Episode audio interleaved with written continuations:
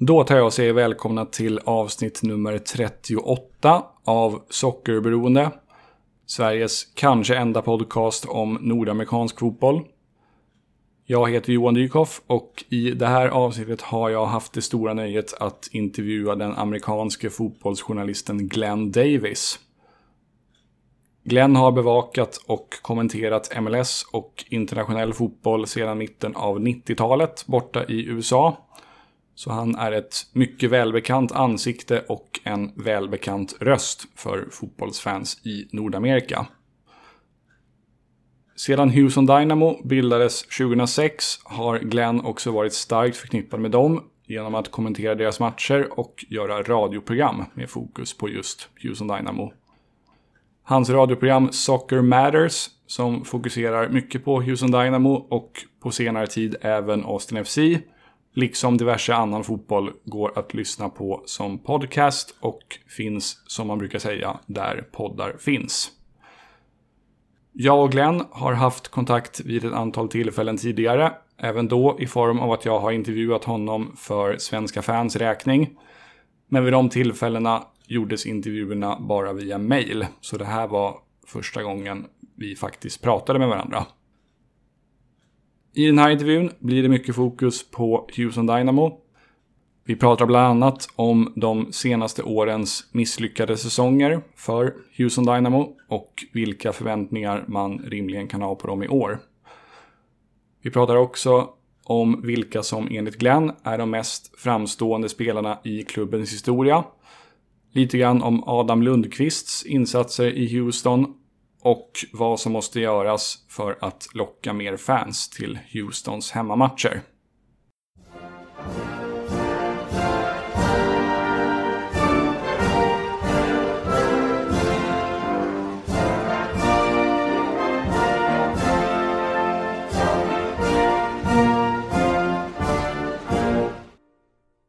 So to start off, this interview will obviously primarily be about MLS and the Houston Dynamo. But since this is a podcast based in Sweden, I would like to know what comes to mind for you when you hear the words Swedish soccer.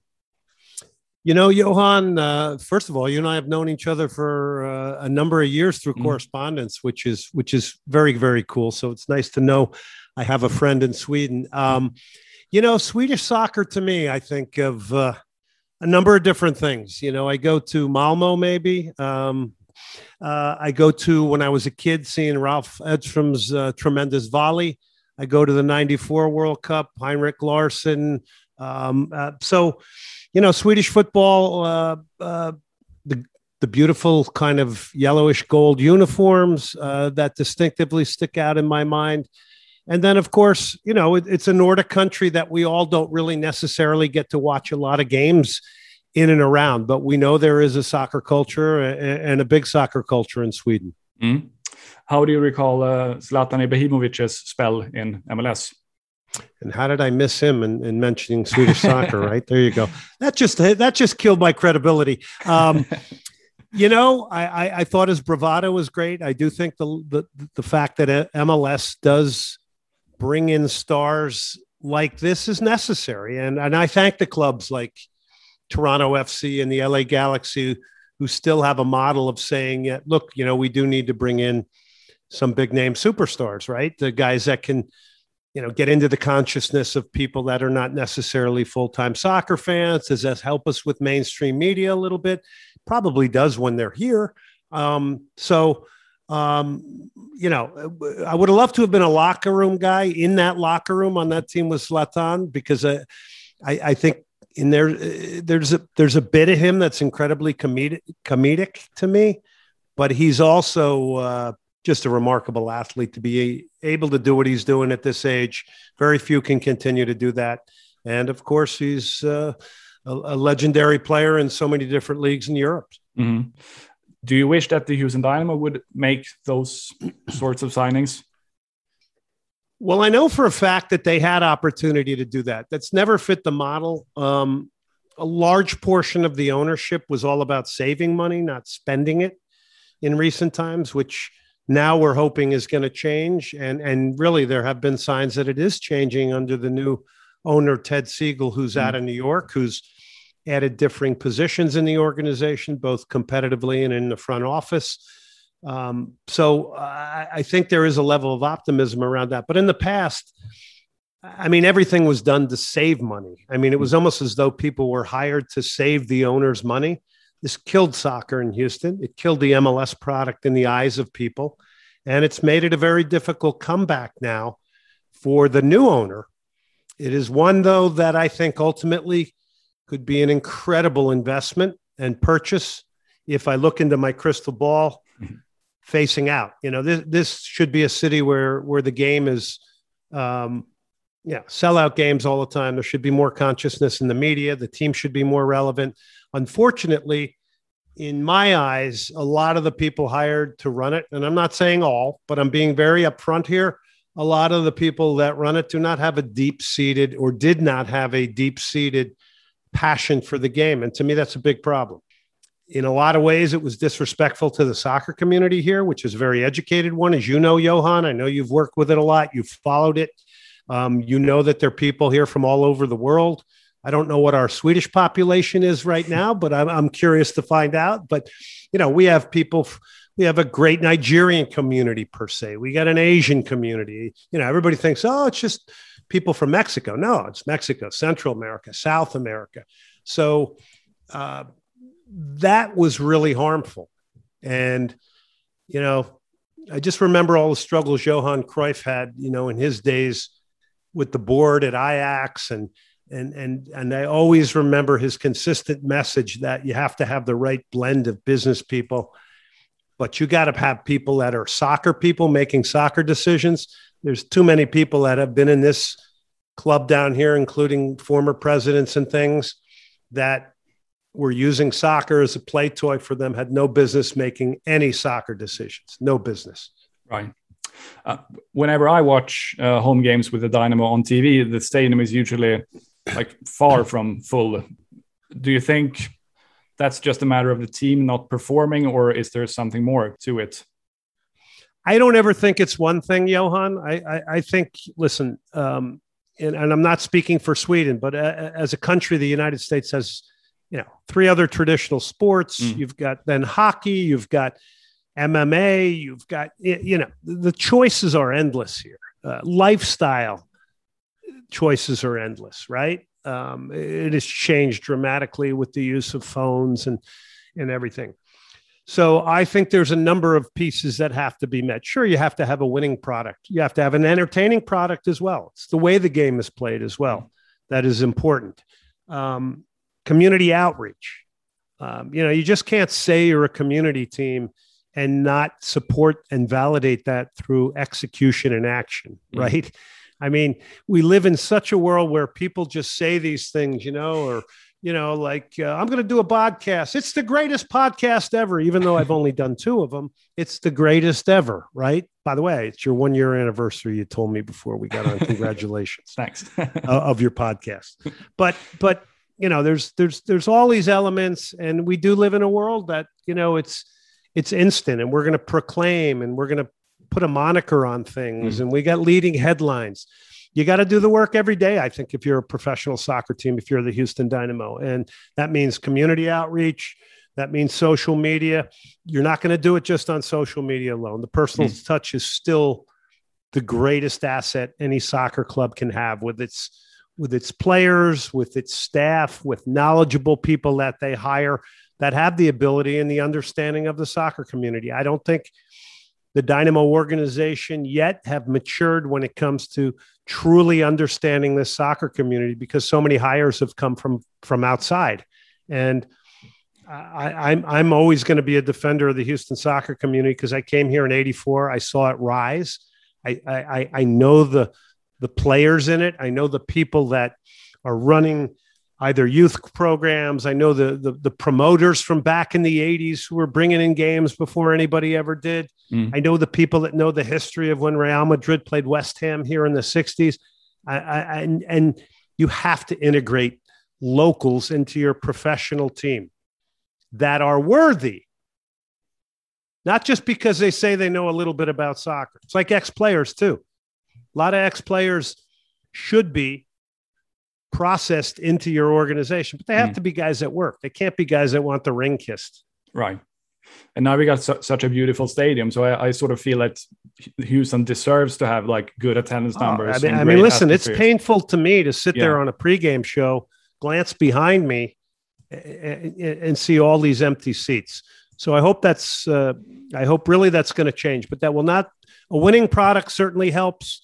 A playoff product helps. A competitive product, an entertaining product, no, no question, that's a part of it. But that's not going to solve all your problems, and that's not that's not going to uh, nurture, uh, suture the wounds of the youth soccer community and, and, and other things that have occurred in the past. Uh, it's going to take a reach out. It's going to take uh, collaborating and working with the soccer community and and not acting as though that you know everybody should fall at your feet. And I think that's changing right now. I think under the new owner, I think there's some good things happening. Yeah, let's hope so.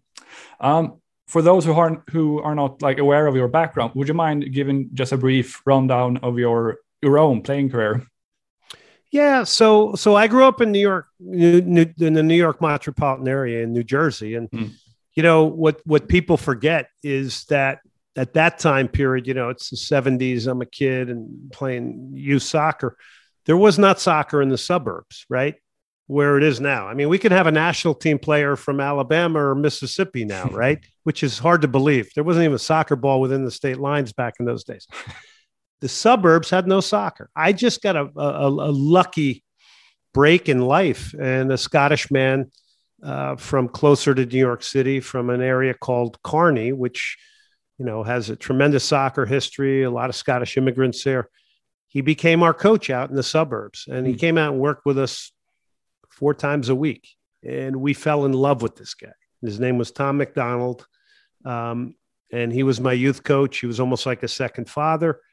So he introduced us to the game. Now, consequently, at the same time, the Cosmos were exploding in the North American Soccer League. So, you know, they started off playing in front of couple hundred fans, thousand, and then Pelé comes, and then all of a sudden they're in Yankee Stadium. They make their way to Giant Stadium. We got Beckenbauer. We're watching all these, you know, world stars: Carlos Alberto for for Brazil, Pelé, uh, Giorgio Chinaglia, Dennis Tueart uh, Johan Neeskens from the Netherlands. Mm. I mean, it, it was remarkable. So all these things combined um, led to my education in soccer. And then, of course, I go in college, and then I play professionally for a couple of years, uh, probably six years, um, which I'll never give back. I mean, it wasn't a huge moneymaker.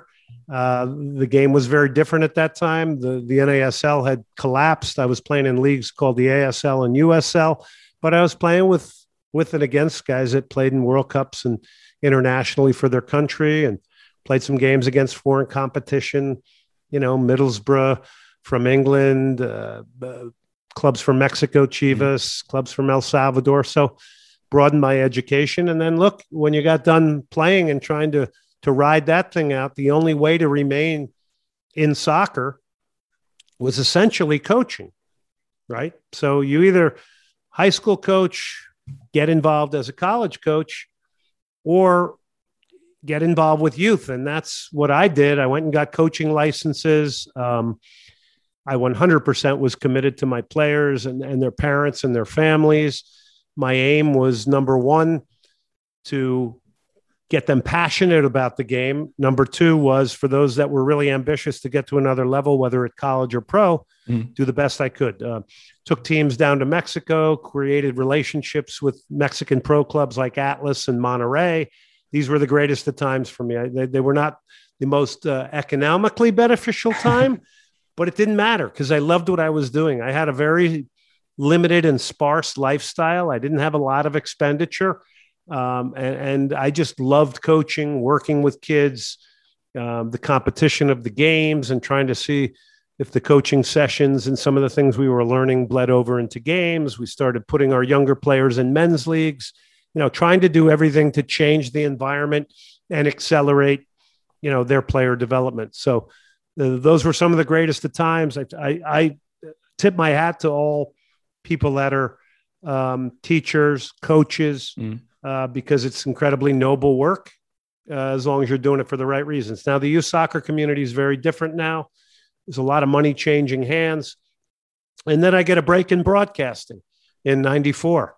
So now I'm 25 years into broadcasting, done seven or eight World Cups, the Olympics, um, countless national championship soccer games uh, in the college game, the NCAA game, countless national broadcasts of MLS. Uh, I've done the Barcelona tour, Real mm. Madrid.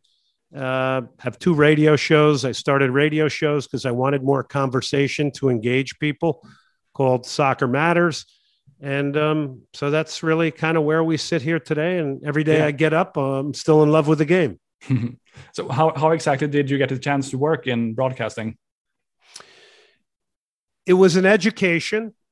Um, I think a lot of people think just because they think they know a little bit about soccer or had a playing career, and I'm not putting my playing career up to the stars that get on television today as analysts, um, but but I would just say that you have to learn how to be a broadcaster. I mean, uh, uh you know, for some people, getting in front of a camera is, is an issue, right?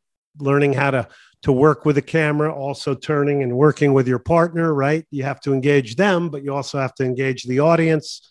Um, and then if you're an analyst, you really have to know how to break the game down. My only thing is, is that the, for me and my personal liking, when I watch a game or, or the guys that I work with, uh, and one of them's Eddie Robinson on the Dynamo games. I want to be educated too. I I, I want to know how and why things happen. I don't mm. I don't just want a lot of rhetoric and generalization. You know, if somebody says, "Oh, well, they've really been good in the final third," well, tell me tell me why they've been good in the final third. Give me the reasons. Um, and uh, I started as an analyst and I learned how to do play by play because I figured, you know, there's no ex professional soccer players really doing play by play. This might give me an advantage and, uh, you know, elevate and elongate my career, which it did. Mm, I see. Uh, so when and when and how uh, did your like relationship with the, the Houston Dynamo start?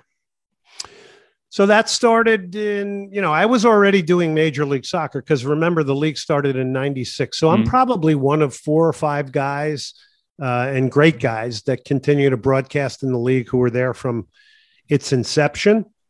Um, so when the Dynamo came to Houston, I was working for Mark Cuban's network called HDNet, which was the beginning of high definition TV, believe it or not, here. Nobody else had it. Uh, it was hard to get even and we did a six year deal with him. So Marcelo Balboa, the U.S. national team player, and I did those games. We had no commercials, and it was just this crystal clear picture.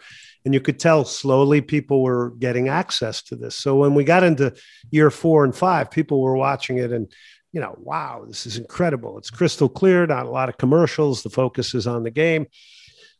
So when the Dynamo were relocated and gifted from San Jose to Houston, that's when I began doing Dynamo broadcasts. But I was still on HDNet, so I was I was an analyst then, and then ultimately um, the deal with HDNet went out. Mark Cuban kind of got out of the uh, soccer game, which was kind of mm. strange to me because at that point we were beginning to uh, accumulate more and more viewers. But he had his reasons. Who's who, who's me to question him when it comes to to to, to making money. He's right. a billionaire, so he probably knows what he's doing. Uh, but uh, and then that's when I transitioned into to play by play for the Dynamo. Ah, I see. Um, so this will be what season number seventeen or something for the Dynamo. Um, yeah. Uh, who are, in your opinion, some of the all-time greats of the Houston Dynamo? Well, when you go all time greats, you're gonna you, you know you are gonna go back to the championship teams. Mm. I, I, think what you have to remember, it was a very differing league at the time. There was yeah. only I think eleven or twelve teams in the league. Look where we are now. We're pushing thirty. Expansion is the word that uh, you know it's it's kind of like the word of the day. Yeah, expansion because exactly. it ain't stopping. Right, it's steamrolling forward. We have Charlotte coming in this year, which is exciting. You're going to have a Vegas team eventually. um, for me, the all-time greatest player, and and I love those teams that came here in six and seven, and I think what I really liked about them was is that they were just such a hard grouping, hardworking group of men. Um, there was a level of accountability under Dominic Kinnear, the coach, that the players held each other to. But a very different game then too. I mean, you didn't have all the social media, you didn't have people mm. taking pictures of themselves. So I would go. Dwayne De Rosario would be my all-time favorite um, because he was the stir to me that that he was the straw that stirred the drink on this team. He was a box-to-box midfielder, um, capable of scoring goals from long range, ridiculous set pieces. Um, every time the ball was at his feet, you could expect something exciting and mm. that you know that's kind of a testament to the player that can do things off the dribble and make things happen. You got to have teams that have that. The dynamo lost some of that down the road when they hit those really really tough years. Um, i would also go to um, you know brian ching i thought mm. was a wonderful center forward. Um, number nine could could hold play up uh, score of the crucial goals. May not score the most, but scored the big goals. Um, certainly in those cups. Uh, so I loved I loved watching him play in the striker position, and then you know the you know the, the skill set of a Brad Davis, the drive and determination and penetration of a Brian Mullan, the grit and determination of a center back and Eddie Robinson, the quiet, unassuming but effective Wade Barrett um, I like that. I also liked as as we moved on. Uh, for a short term, uh, I would also put Alberth Elis in that category. Mm. Who's now playing over in, in, France. Was not on successful teams. One year they got to the playoffs, but you know when he came here from Monterrey, and you just saw this literally raw athleticism, you said this guy's going somewhere. Yeah. I mean, he, you know, I, I heard people saying, "Oh, he's not going to get a shot in Europe," and I was like, "No, he will simply off his athleticism. He got a little more polished than Houston, makes a jump to Portugal, and now he's you know, he's got nine goals in in France for Bordeaux, scored against PSG. He's an amazing story. Comes out of Honduras, probably was dirt poor.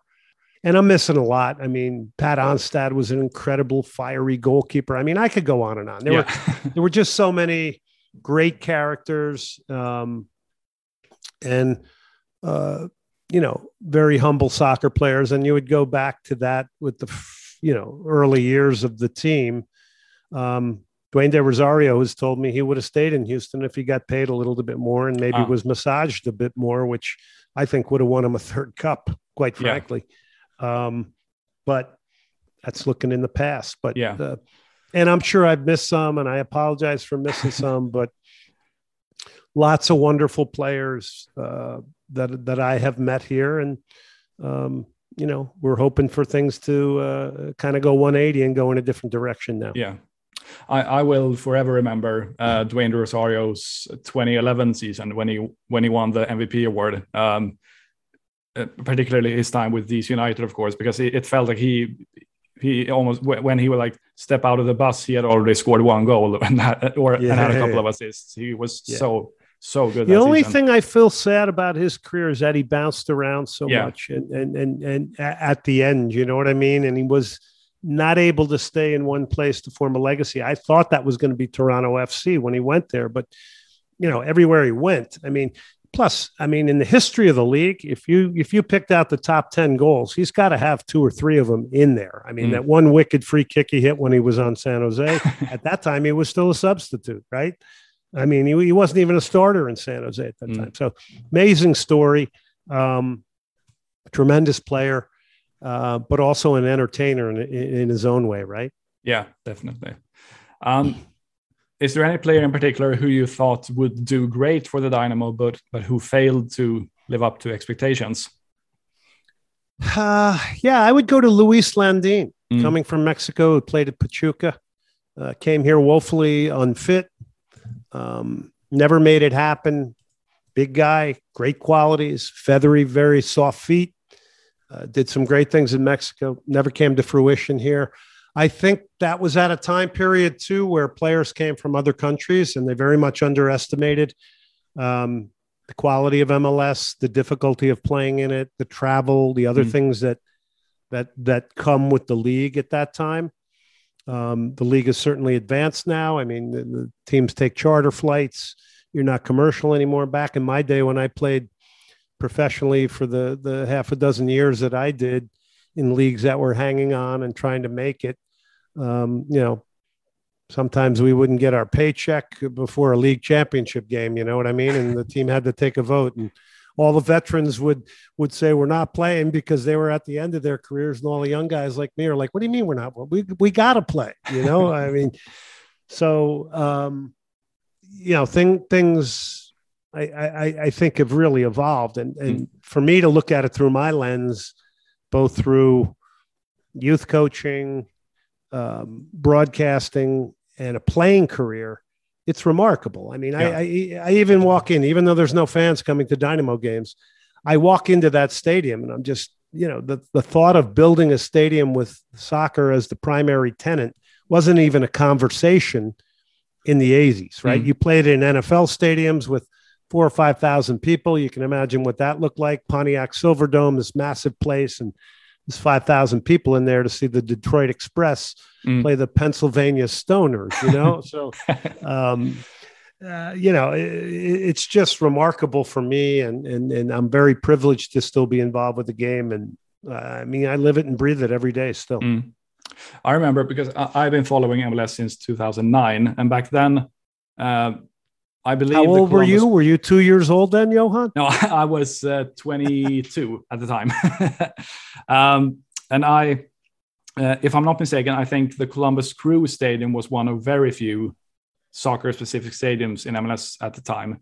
And now, we, and now we've gotten to the point that the MLS teams are actually replacing soccer-specific stadiums. They are building new soccer-specific stadiums because the they, uh, the ones they, they built 15, 20 years ago are like that, well they're not good enough anymore. That also says something about where what the league has become.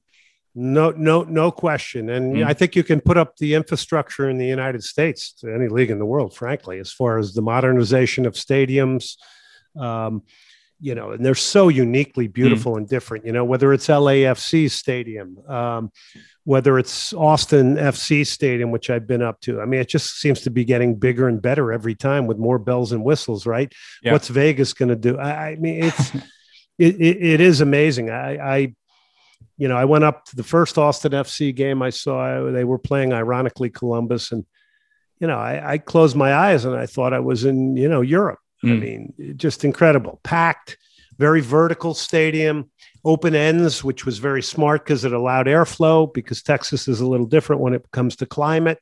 So just remarkable. Supporters group uh, crazy there as well.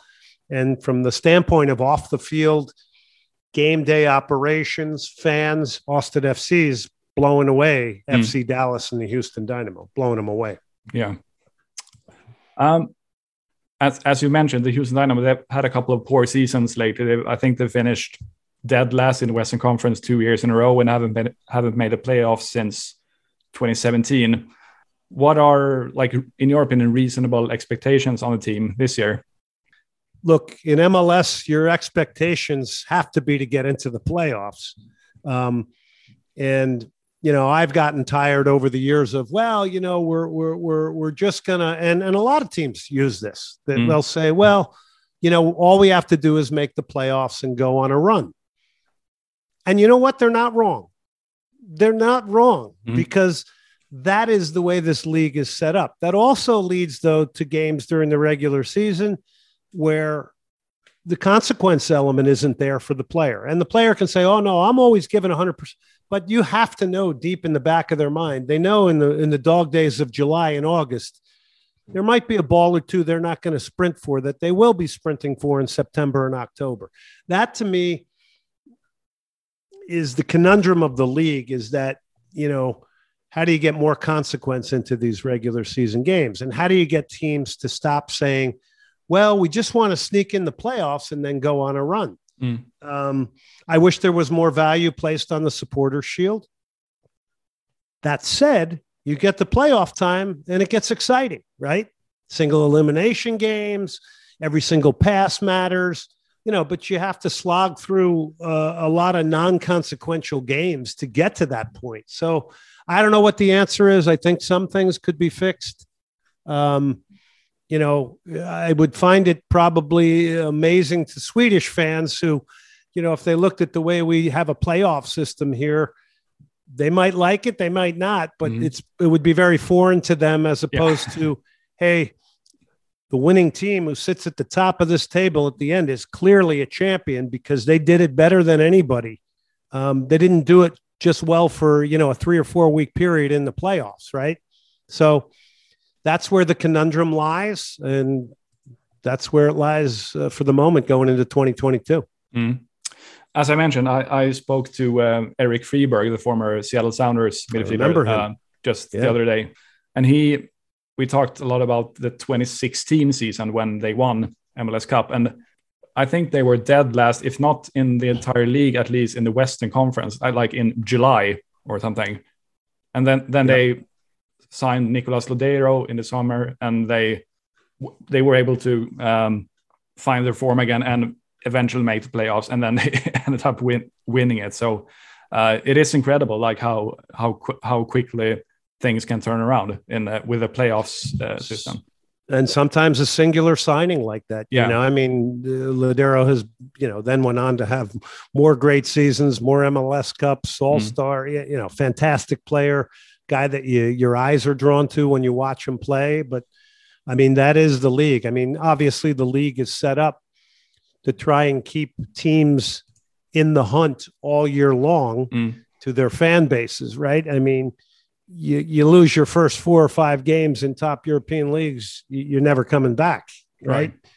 But this way, if you struggle all the way into July, as you so aptly pointed out, like the Sounders did in 2016, there's always hope and possibility. Um, there's a push at that point. Hey, if we're one player away and it's a creative player that we think can put us over the top, maybe it changes the entire complexion mm. of our team. And that's what Lodeiro did in 2016, no question. Yeah. Uh, so, who do you think think will be the key players for the Dynamo this season? Um, the guys they haven't signed. Mm. um, and I mean that. Uh, I do think, I do think I'm very excited about the new center forward from Paraguay that was scored, biggest signing in Dynamo history. That's when you combine the transfer fee and his salary. Uh, his name is Sebas Ferreira. He's scored a lot of goals down there. You know about him. I know you you cover the Dynamo and, and know a lot about the Dynamo extensively. I'm definitely excited to see them playing with an out and out center forward. Um, but I think the supporting cast around him is going to have to improve. I mean, they have to make some signings in midfield. There's no question. You can't continue with the same midfield. Now, if they can get those signings over the the line, um, Paulo Nagamura, Pat Onstad have said they have accelerated uh, uh, uh, possibilities with a couple of players, uh, but they need they need for me they need two defining midfielders that come in that are heads and shoulders above others that can define the roles of others that can provide clarity and that can lift the bar. They hmm. need mm. to sign players that can lift the bar. There's too many players at the same level, in my opinion, or too many quote unquote hopefuls or possibility type guys, right? That's been kind of their modus operandi of signing players. Well, he'll do better under us, or we can get the best out of him, or, you know, change of scenery. They have to make signings that will truly be ones that will stick, that will hit, and that will come in and that will improve things in a lot of ways professionalism, locker room, quality of guys around them, define lines of teams, all these things. Um, so uh, I'm hoping that, that they can pull off a couple of those signings. So we're talking Lode- uh, Lodeiro level uh, signings yeah, then. Yeah, absolutely. Absolutely. Yes. I must, of course, ask you about uh, Adam Lundqvist since he's from Sweden. What do you think about him and his, what is it now, three and a half seasons with the Dynamo? Well, first of all, an incredibly wonderful guy as a human being, good person. Um, I make it, I make it, uh, you know, I make it very important. I, am not a guy that's going. Uh, I don't want to be hanging around soccer players drinking beer. I don't want it to cloud my judgment. Uh, but I do interview these guys, and I and I do get to know that they they have nice personalities. Super guy, mm. um, incredible engine up and down the left side.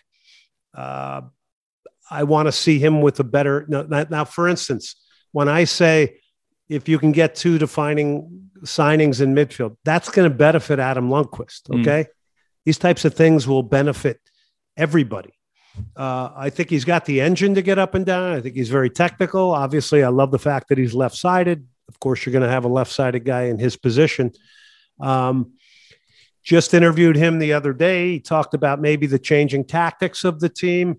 Uh, I asked him, I said, look, uh, you know, you need to produce more plays, uh, goals, assists, mm. especially assists, right? The delivery side of it that could improve with a with a better center forward and a more traditional center forward, right? Um, that would improve also, I think, with the growing Dynamo team. So um, I like him.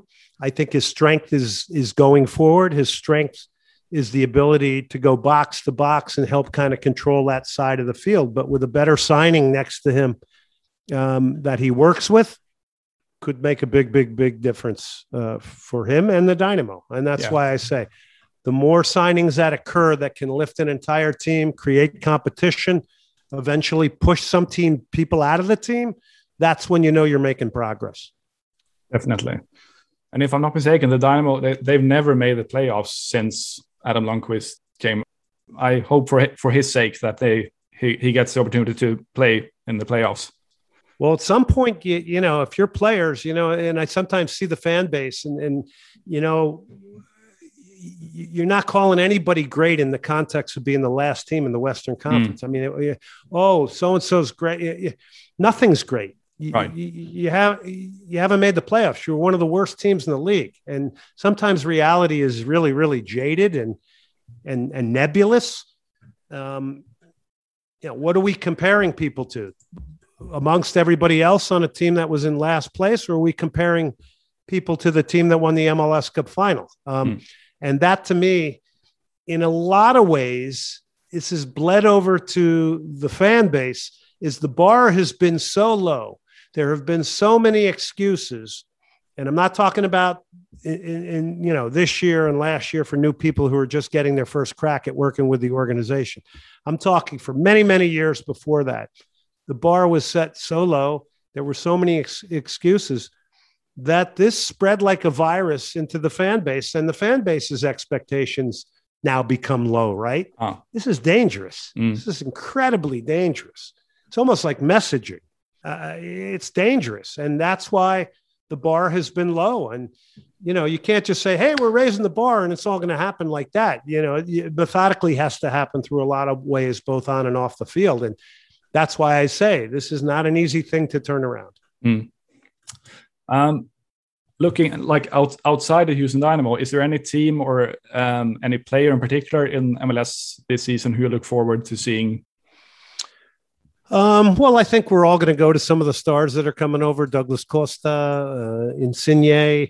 I think it's always fascinating to see players um, of that stature come here and adapt to the league. You know, mm. coaches the same way. Guillermo Barros Schelotto. Wow, he's tremendously successful in Argentina. Had it pretty rough here. Yeah. Um, you know, these things don't always translate, but I think, you know, to watch whether it's a coach or a player to see how they adapt to this league with a very uh, differing uh, budget and a salary cap and all these player categorizations, which you and I every day are trying to figure out, right? I, I, mean, I mean, let's make it more difficult for people to follow the team, right? Let's come up with nine different new categories, you know, and monikers and names and oh my God, yeah, you, you know, so. Um, but I like to see those guys, and and you know, like guys like in in I want to see how for the Dynamo, you know, that that Sebas Ferreira is going to mm. translate the league. Looks very professional to me as a young man at 23. Sebastian Driussi at Austin FC. Um, all of this is interesting to me. And I don't think a team comes in anymore now that doesn't come in with a guy or two or three like that, that you're going, wow, I want to see how they adjust to MLS. Yeah. What about Shaqiri in Chicago? You know, will is, is he going to light it up with the type of effort that we saw him produce for Switzerland? My gut would tell me, yeah, because he's mm. a hmm. pretty fiery guy. Um, so uh, I think there's something fascinating to pick out of pretty much any game. Yeah. I'm curious about uh, FC Cincinnati because, well, speaking of teams that have underperformed, they've finished de- dead last three three years in a row. So I'm cur- curious to see if they can finally produce something of value and like uh, well, see, look at look at them. You know, you, yeah. you, Yeah, you. That's a great point that you bring up because they've been a disaster from the Mm. start. Uh, coaches, players. You look at the roster. You say, how is this being built? Um, how was the roster build? And you know, they got an incredible fan base, an incredible stadium, as you know. I'm telling you everything you already know. but at some point, you better get competitive, or you're gonna, you know, the novelty is gonna wear off. Same with Austin FC. They got to win this year. Josh Wolff has to win. We've seen them play some entertaining soccer, but it's got to get sewn up. And him and Claudio Reyna have to get that done uh, at Sporting Kansas City. Um, same with the Houston Dynamo. They, they have to start becoming a more entertaining product and they have got to start getting results at home. They can't go an entire season not winning a road game. Come on. I mean, what does that tell you? So, you know, th- these novelty factors, you got to be careful because you you truly have got to give something back from the competitive side of it, right? Definitely. Um, before we wrap things up, uh, I would like to give you the opportunity to give a plug for your podcast or whatever else you want the listeners to know about. Well, first of all, Johan, when you contacted me and, and Mhm. you go, you know, do you remember me? I'm, of course, I remember you. I mean, how many years was that when we when you first reached out and we met? Probably quite- seven or eight years ago or something. yeah, inc- incredible. I mean, Yeah.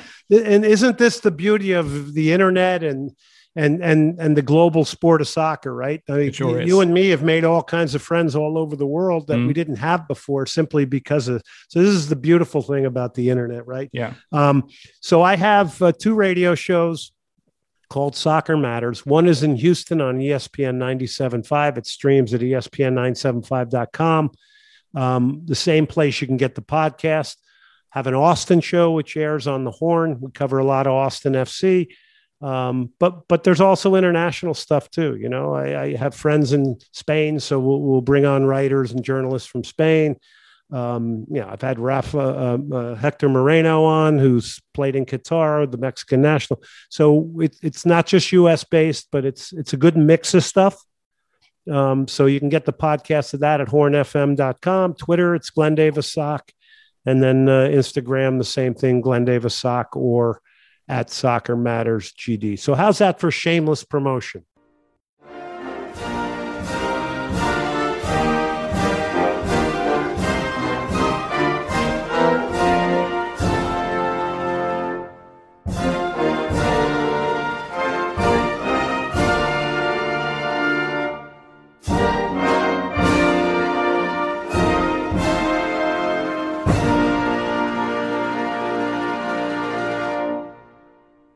Sådär ja, då tar vi och tackar Glenn Davis för att han tog sig tid att ställa upp på den här intervjun och vi önskar honom givetvis allt gott framöver. Han var otroligt kul och trevlig att prata med, måste jag säga, och dessutom väldigt, väldigt kunnig när det kommer till ämnet nordamerikansk fotboll. Som Glenn berättade så har han ju jobbat med bevakning av fotboll i Nordamerika i gott och väl över 20 år och jag har följt hans kommenterande och poddande i princip sedan jag började följa MLS 2009. Så det var väldigt kul att få chansen att prata med honom. Hoppas att ni tyckte att det här avsnittet var kul. Tack så mycket för att ni har lyssnat. Ta hand om er så hörs vi igen i kommande avsnitt. Tja tja!